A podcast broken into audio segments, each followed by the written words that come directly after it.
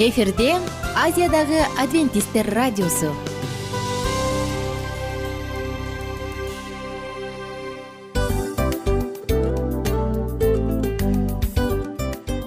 Достор салют. Баардык сүйүктүү угармандарыбызга салам айтабыз. Кутман күнүңүздөр менен. Ден соолук өмүрдүн булагы демекчи саламат саамы программасында баарыңыздарды көргөнүбүзгө абдан кубанычтабыз. Анда алгач амандашып өтөлү арбаңыздар деп. Ден соолугуңуздар кандай элибизде көбүнчө ден соолук кандай дегенде эле жакшы деп жооп беребиз э? ооруп турсак дагы жакшы дейбиз. Анан мен муну айтып ойлойт элем бул абдан сонун сөз депчи анткени бул жакшы деген үмүт да э ооба баары жакшы болот. Баары сонун. Деп үмүттөнүп атып эле өзүбүздү өзүбүз дарылап коебуз. Анысы кандай? Сиздин дагы ден соолугуңуз жакшы беш деген үмүттөбүз чындыгында ден соолук бул өмүрдүн булагы деп бекеринен айтылган эмес деп ойлойм. Кыргыз элинде анткени эгерде ден соолук жок болсо анда адамдын жашоосунда калган баардык керектүү маңыздуу нерселер өзүнүн баалуулугун жоготуп коет. Ошондуктан ден соолук бул эң керектүү нерсе. Ооба туура айтасың кесиптешим чынында ден соолугуң жок бир эки үч күн ооруп калсаң эле э кандай болуп калат? Жашоодо көз каранды болуп каласың көп нерсеге жетишпей каласың көп нерсени кыла албай каласың жада калса эчке дүкөнгө да чыга албай каласың. Туптуура анан ден соолук болсо демек биз биздин бактыбыз тоодой деп койсок болот. Анда достор саламат рубрикабызды баштайлы. Алдыда өзүңүзгө керектүү болгон сонун кеңештерди уга аласыздар. Мына ошондуктан биз менен бирге болуңуздар. Ал эми биз болсо милан жана айнура. Кеттик алга. Алга саламат саама ден соолуктун жарчысы. Саламат саама ден соолуктун ачкычы. Күн сайын сиз үчүн мыкты кеңештер сонун жаңылыктар кызыктуу фактылар биздин рубрикада.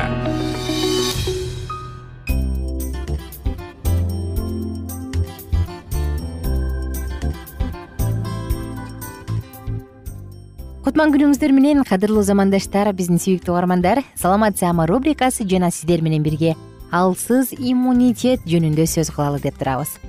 Иммунитет акыркы учурда эң актуалдуу болгон темалардын бири жана ар бирибиз иммунитетти кантип чыңдайбыз деп колдон келишинче аракет кылып басып сейилдеп позитивдүү маанайда жүргөнгө аракет кылып атабыз ооба достор булардын баардыгы тең туура жана эң туура. Бирок бул гана жетиштүү эмес экен биздин ичкен жеген тамагыбыз дагы маанилүү.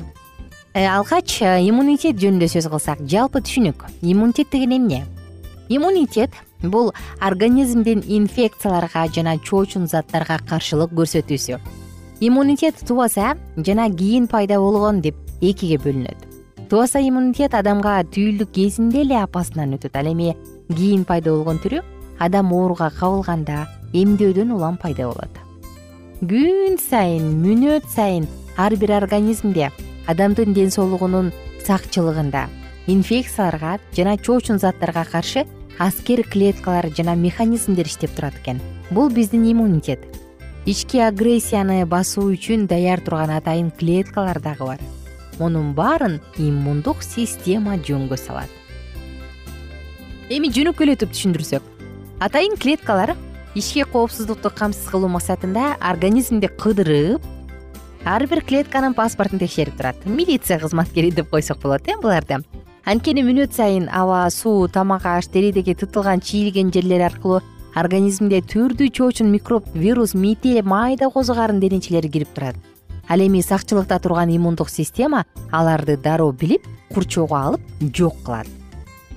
Кокус күчтүү душман ичке көп кирип кетсе анда жалпы тревога жарыяланат дагы сезгенген жерди коргош үчүн көптөгөн аскер клеткалар жетип барышат кээде биздин организмде ички башаламандык жаралат. Мындай учурда эмне болот? Бул үчүн резервдеги клеткалар дамамат бөлүнүп турууга аргасыз. Андыктан дал ушул бөлүнүү учурунда жаңы клетканы атайын клеткалар тааныбай кармап алышат. Мындай катачылыкты сырткы чөйрөнүн терс таасирлери көбөйтүп жибериши мүмкүн. Катачылыктын айынан клетка өлүшү же залалдуу клеткага айлана баштоосу мүмкүн. Кезектеги текшерүүдө залалдуу шишке айланган клетка жок кылынат. Ал эми катачылыктан кармалган клетка өлө элек болсо азаттыкка чыгат. Кээде атайын клеткалар ким өз ким жат экенин ажырата албай калышат. Мындай болгондо нормалдуу клеткалар дагы жат эсептелинип жок кылынат. Бул процесс аутоиммундук патология деп аталат. Ревматоиддүү артрит бөрү жатыш псориаз кээ бир нерв кан оорулары э булар. Эгерде жогоруда айтылгандай жаман клеткалар көбөйүп кете турган болсо анда адамда рак оорусу пайда болот караңызчы достор биздин иммундук системанын туура иштеши канчалык деңгээлде маанилүү. Ошону менен бирге кээде баягы адамда аллергия бар го. Ит мышыктын жүнү чаң жана башка кайсы бир тамак аштардан мындайда дагы жөнөкөй күтүлбөгөн жерден чоочун зат болуп эсептелинет. Ошолор анан аларга аллергия пайда болуп калат дагы өнөкөткө айланып кетет бул дагы кээде организмге кирген инфекция менен күрөшүүдө биздин иммундук система аларды убагында жок кылууга жетишпей калат. Мындай учурда баягы аскер клеткалар душмандардын кагылышы жүрөт. Аскер клеткалар менен анан ошол учурда согуш болуп кетиши мүмкүн. Мисалы бронхиалдык астманын байкоосуз кур чыгармаган белгиси приступу мына ушунун айынан болот. Ошондуктан иммундук системанын маанилүүсү эң эле маанилүүсү бизге абдан керек болгондугунда эми достор биз сиздерге бүгүн жаңы сыгылган апельсин ширесин сунуштайлы деп турабыз. Анткени дал ушул апельсин ширеси фильтрленбегени жаңы сыгылганы с витаминине абдан бай жана минерал витамин антиоксиданттардын мыкты булагы болгондуктан ар бир күнүңүздү бир стакан апельсин ширесинен баштаңыз деп сунуштайт элек. Анткени достор анын курамында витамин с абдан көп. Ошону менен бирге анда мыкты жүздөгөн антиоксидант фитохимикаттар бар. Алардын баардыгы тең бул ширени иммуностимулятордук каражат кылат.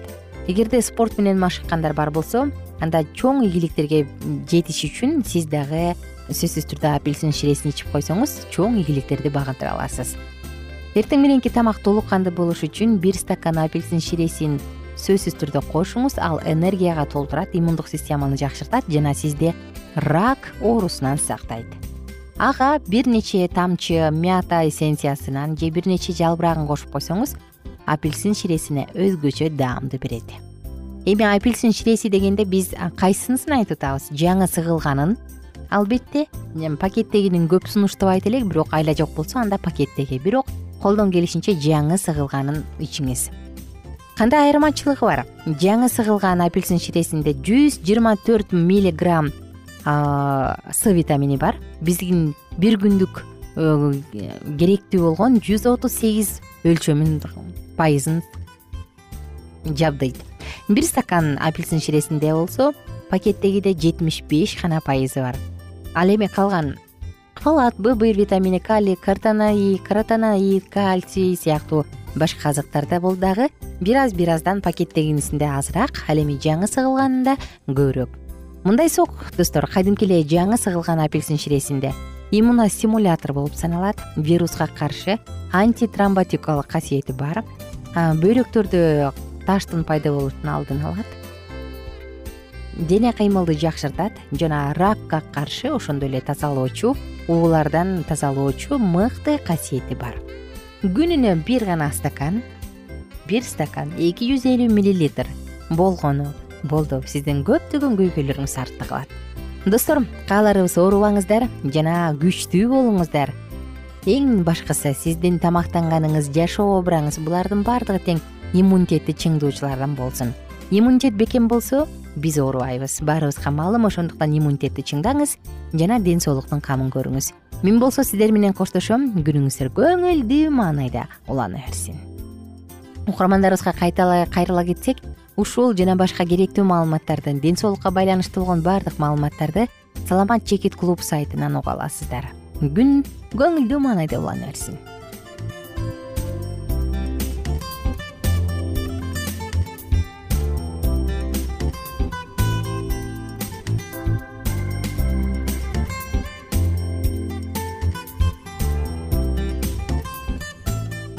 кененирээк маалыматтар үчүн үч w чекит саламат чекит клуб сайтына келип таанышыңыздар. Жана андан тышкары социалдык тармактарда youtube facebook жана instagram баракчаларына катталыңыз. Саламат саама ден соолуктун жарчысы. Саламат саама ден соолуктун ачкычы. Күн сайын сиз үчүн мыкты кеңештер сонун жаңылыктар кызыктуу фактылар биздин рубрикада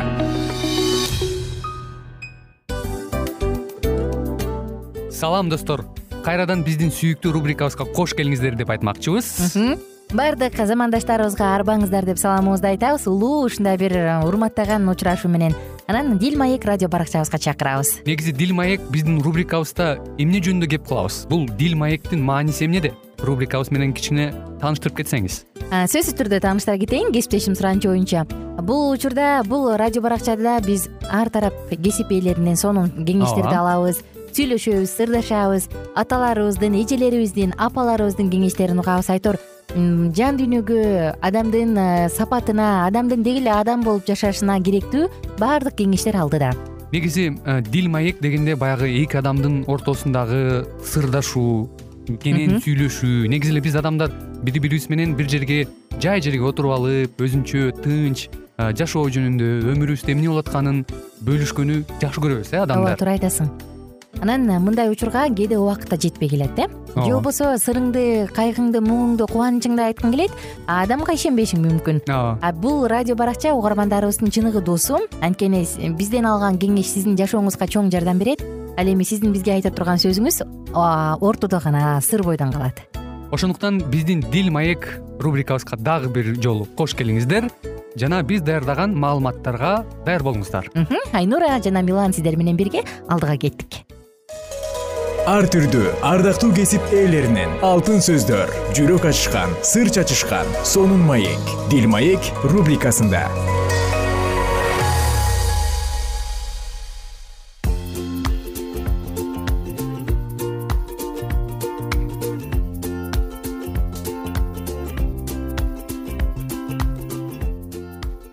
кутман күнүңүздөр менен замандаштар сүйүктүү достор салют угармандар жалпыңыздар менен дил маек уктуруусундабыз.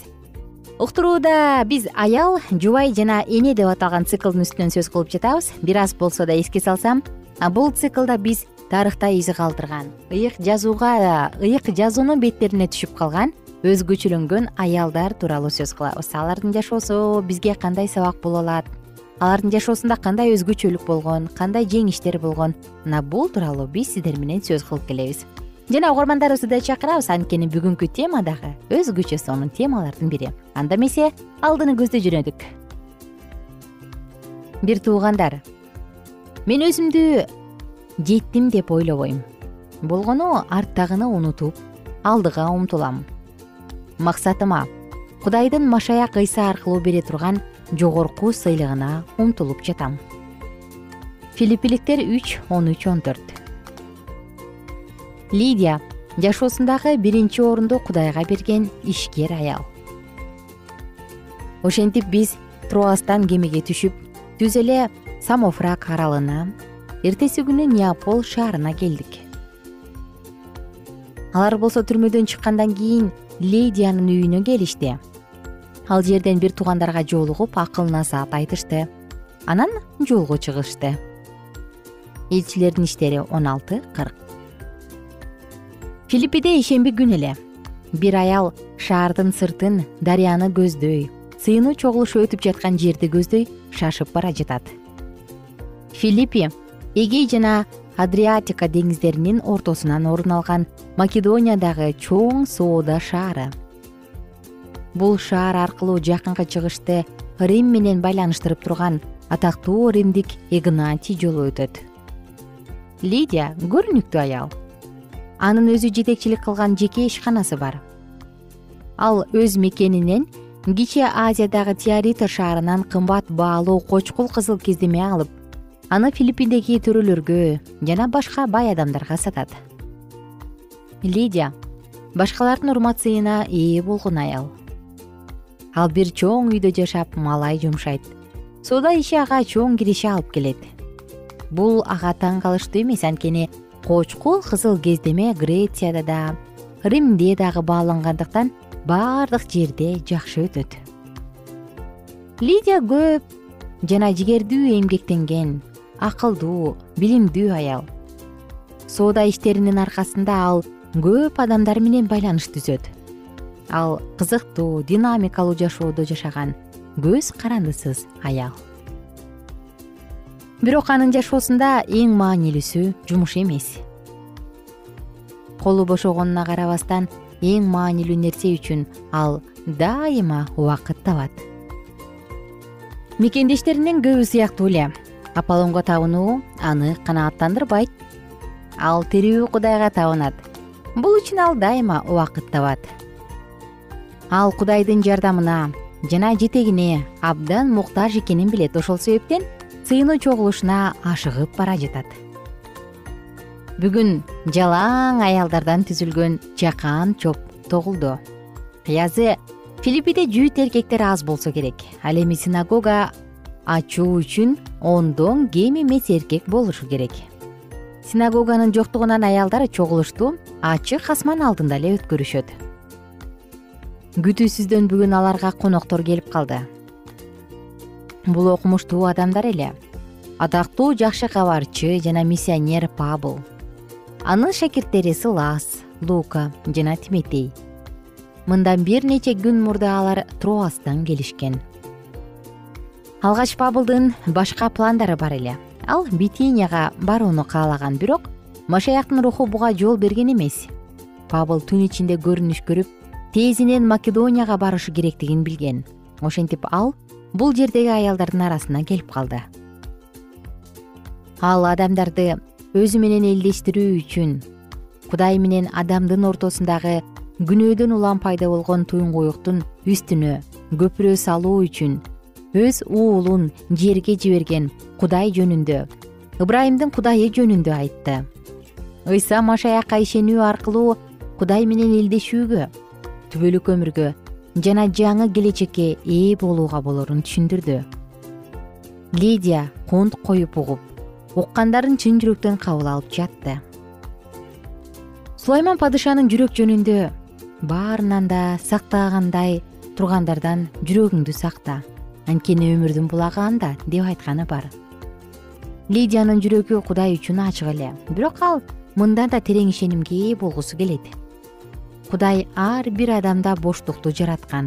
Ал боштукту өзү гана толтура алат деп айткан бир жолу паскаль. Лидиянын кудай жөнүндө билгендери үстүрт. Ал аны ыйса машаяктагы өзүнүн атасы катары тааный элек. Бирок жүрөгү кудайга умтулат. Анын жүрөгү кудайдын сөзүнө умтулгандыктан кудай аны оңой эле ачат болгону демилге өзү тараптан болушу керек. Адам кудайга карай кадам жасаш үчүн кудай өзү биринчи кадам жасады. Адам бул кадамды жасаса кудай андан кийинки кадамды кечиктирбестен жасайт. Кудай сөзүнүн үрөнүү лидиянын жүрөгүндөгү жакшы топуракка түштү. Мунун натыйжасында ал жогорудан төрөлдү. Анын диний жашоосундагы чынжыр табылды бул ыйса машаякка болгон ишеним эле. Лидия машаякчы болуп калды. Эми ал машаяк жөнүндө күбөлөндүрүүгө умтулат. Анын бактылуу болуп калгандыгын ар бир адам билиши керек. Сууга чөмүлдүрүлүү аркылуу мен ыйса машаяктын өлүмү жана тирилүүсүнө кошулдум мен жаңы жашоону баштадым деп күбөлөндүрөт ардактуу досум бүгүнкү уктуруубузду дал ушул жерден жыйынтыктайбыз дагы. Кийинки уктуруудан кайрадан амандашканча кийинки уктуруубузда лидиянын жашоосу эмне болгон кандай болгон? Бул тууралуу кенен маалымат алабыз. Ага чейин жалпыңыздар менен убактылуу коштошом. Күнүңүздөр көңүлдүү маанайда улана берсин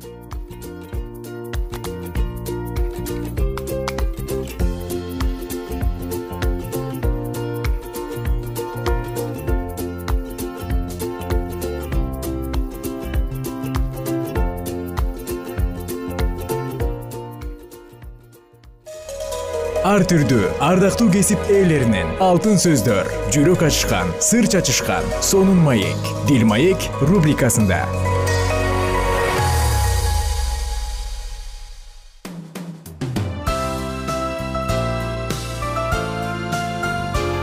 Эфирде азиядагы адвентисттер радиосу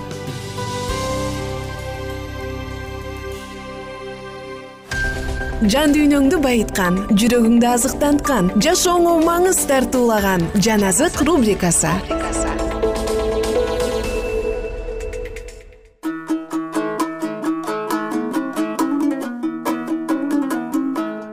Кадырлуу замандаштар сүйүктүү достор жалпыңыздар менен жагымдуу саатыбызды баштадык. Жан азык уктуруусу жана сиздер менен бирге аюп китебин андан ары окууну улантабыз эске салсам мурунку уктуруубузда айыпту соротуу үчүн келген үч досу менен болгон сонун маектерди окуганбыз. Бүгүн болсо достор аюптун акыркы сөзүн окуйбуз. Ал досторуна эмне деп жооп берген? Мына бул алтын сөздөрдү бирге тыңдайлы. Биз менен бирге болуңуздар. Аюп китеби жыйырма тогузунчу бөлүм. Аюптун акыркы сөзү. Аюп маанилүү сөздөрүн улантып мындай деди о мен мурунку айлардагыдай болсом гана кудай мени сактап жүргөн күндөрдөгүдөй болсом гана. Анын чырактаны менин үстүмдө күйүп турчу. Караңгыда мен анын жарыгы менен жүрчүмүн. Жаш чагымда кудайдын ырайымы менин чатырыма тийип турганда мен кандай элем? Кудуреттүү кудай мен эле менен эле балдарым тээрегимде болчу жолдорума сүт төгүлүп турчу. Аскалар мен үчүн зайтун майын чыгарып турчу. Шаар дарбазасынын алдына чыкканымда аянтка отургучумду койгонумда жигиттер мени көрүп жашынып калышчу. Карылар ордунан туруп туруп турушчу. Төрөлөр сөзүн токтотуп колдору менен ооздорун жабышар эле. Атактуулардын үнү басылып тилдери таңдайына жабышып калар эле мени уккан кулак мени урматтап турар эле. Мени көргөн көз мени даңктап турар эле. Анткени мен жардам сураган жакырды да карай турган кишиси жок жетимди да сактап калчумун. Мага өлүп бара жаткандын батасы тийчү жесир аялдын жүрөгүнө кубаныч берчүмүн. Мен адилеттиктин кийимин кийип жүрчүмүн. Калыстыкты чапан жана баш кийим катары кийип жүрчүмүн мен сокурга көз аксакка бут болчумун. Кайырчыларга ата болчумун. Өзүм билбеген адамдын талаш тартыш маселесин кылдаттык менен чечип турчумун. Мыйзамсыздын жаагын талкалап турчумун. Уурдагандарын тиштеринен сууруп алып турчумун. Мен мындай деп айтчумун өз уямда өлөм. Жашоо күндөрүм кумдай көп болот. Тамырым сууга жетет бутактарыма шүйдүрүм түнөйт. Атак даңкым карыбайт. Колумдагы жаа бек турат. Мага кулак салып турушчу күтүп турушчу акыл айтканымда унчугушчу эмес. Мен сүйлөгөндөн кийин алар сүйлөшчү эмес. Менин сөздөрүм алардын кулактарына куюлчу. Мени жамгырды күткөндөй күтүшчү. Ооздорун кеч жааган жамгырга ачкансып ачып турушчу аларга жылмайып койсом көргөн көздөрүнө ишенишчү эмес. Алар менин жүзүмдөгү жарыкты өчүрүшчү эмес. Мен аларга жол көрсөтүп турчумун алардын башында отурчумун жоокерлердин арасындагы падышадай жашачумун ыйлагандардын көңүлүн жубаткан сооротуучудай болчумун. Аюп отузунчу бөлүм азыр болсо мени өзүмдөн кичүүлөр шылдың кылып жатышат. Мен алардын аталарын койлорумду кайтарган иттеримдин жанына жаткырганга макул болбойт элем. Алардын күчтүү колунун мага эмне кереги бар? Алардын убагы өтүп кеткен. Жакырчылык менен ачарчылыктан алсырагандар түнөргөн ээн калган суусуз талаада каңгып жүрүшөт. Тикенектин түбүнөн майда чөп терип жешет тикенектүү бадалдын мөмөсү алардын тамагы. Аларды эл ичинен кубалап ууруга кыйкыргандай кыйкырышат. Ошондуктан аларга сай сайдын жарларында капчыгай боорлорунда асказоолордун коңулдарында жашоого туура келет. Алар тикенектин арасында ыйлашат бадалдын төбүнө корголошот. Алар четке кагылган адамдар атсыз нарксыз адамдар жер жүзүнүн таштандылары. Азыр мен ошолордун ырдар ыры болдум. Оозунан түшпөгөн сөзү болдум. Алар мени жек көрүшөт менден качышат менин бетиме түкүрүүдөн тартынышпайт. Теңир менин жаамдын жибин үзүп мени талкалады. Ошон үчүн алар менин көз алдымда өздөрүнүн ооздорундагы ооздукту алып салышты. Бул жер жайнаган эл менин оң капталыман чыгып мени буттан чалып жатат. Өздөрүнүн кыйратуучу жолдорун мени өздөй мени көздөй буруп жатышат. Менин жолумду болсо бузушту.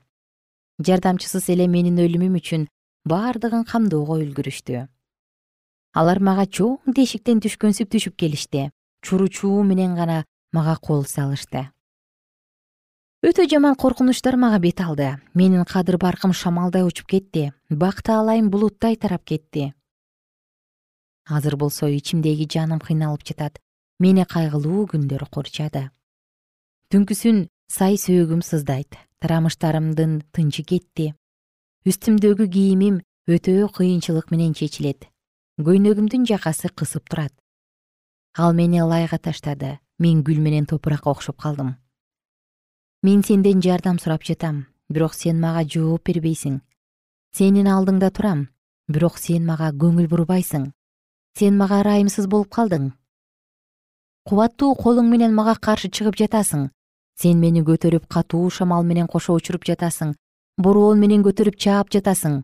Ошондуктан мен билем. Сен мени өлүмгө дуушар кылып бардык жашоочулар чогула турган жайга алып барасың. Урандылардын астында калган адам жардам сурап колун сунбай коймок беле. Башына кырсык түшкөн адам кыйкырбай коймок беле мен башына мүшкүл түшкөндөрдү көргөндө ыйлаган жок белем. Жардыларды көргөндө жаным кыйналган жок беле. Мен жакшылыкты эңсеп турганда жамандык келди. Жарыкты күтүп турганда караңгылык келди. Менин ичим кайнап жатат басылбайт. Мен кайгылуу күнгө туш келдим. Мен капкара болуп басып жүрөм бирок бул күндөн эмес. Эл арасында туруп жардам сурап кыйкырып жатам. Мен чөөлөрдүн бир тууганы болуп калдым. Төө куштардын досу болуп калдым менин терим карарып кетти сөөктөрүм ысыктан куйкаланды. Лирамдын үнү кайгылуу чыгып калды. Сыбызгымдын үнү ыйга окшоп калды.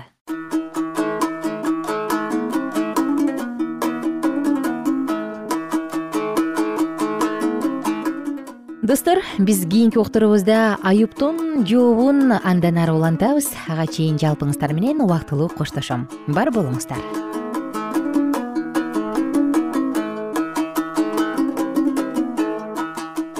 эгер сиздерде суроолор болсо же көбүрөөк маалымат билем десеңиз анда биздин whatsapp номерибизге жазыңыз. Плюс бир үч жүз бир жети жүз алтымыш алтымыш жетимиш. Кайрадан плюс бир үч жүз бир жети жүз алтымыш алтымыш жетимиш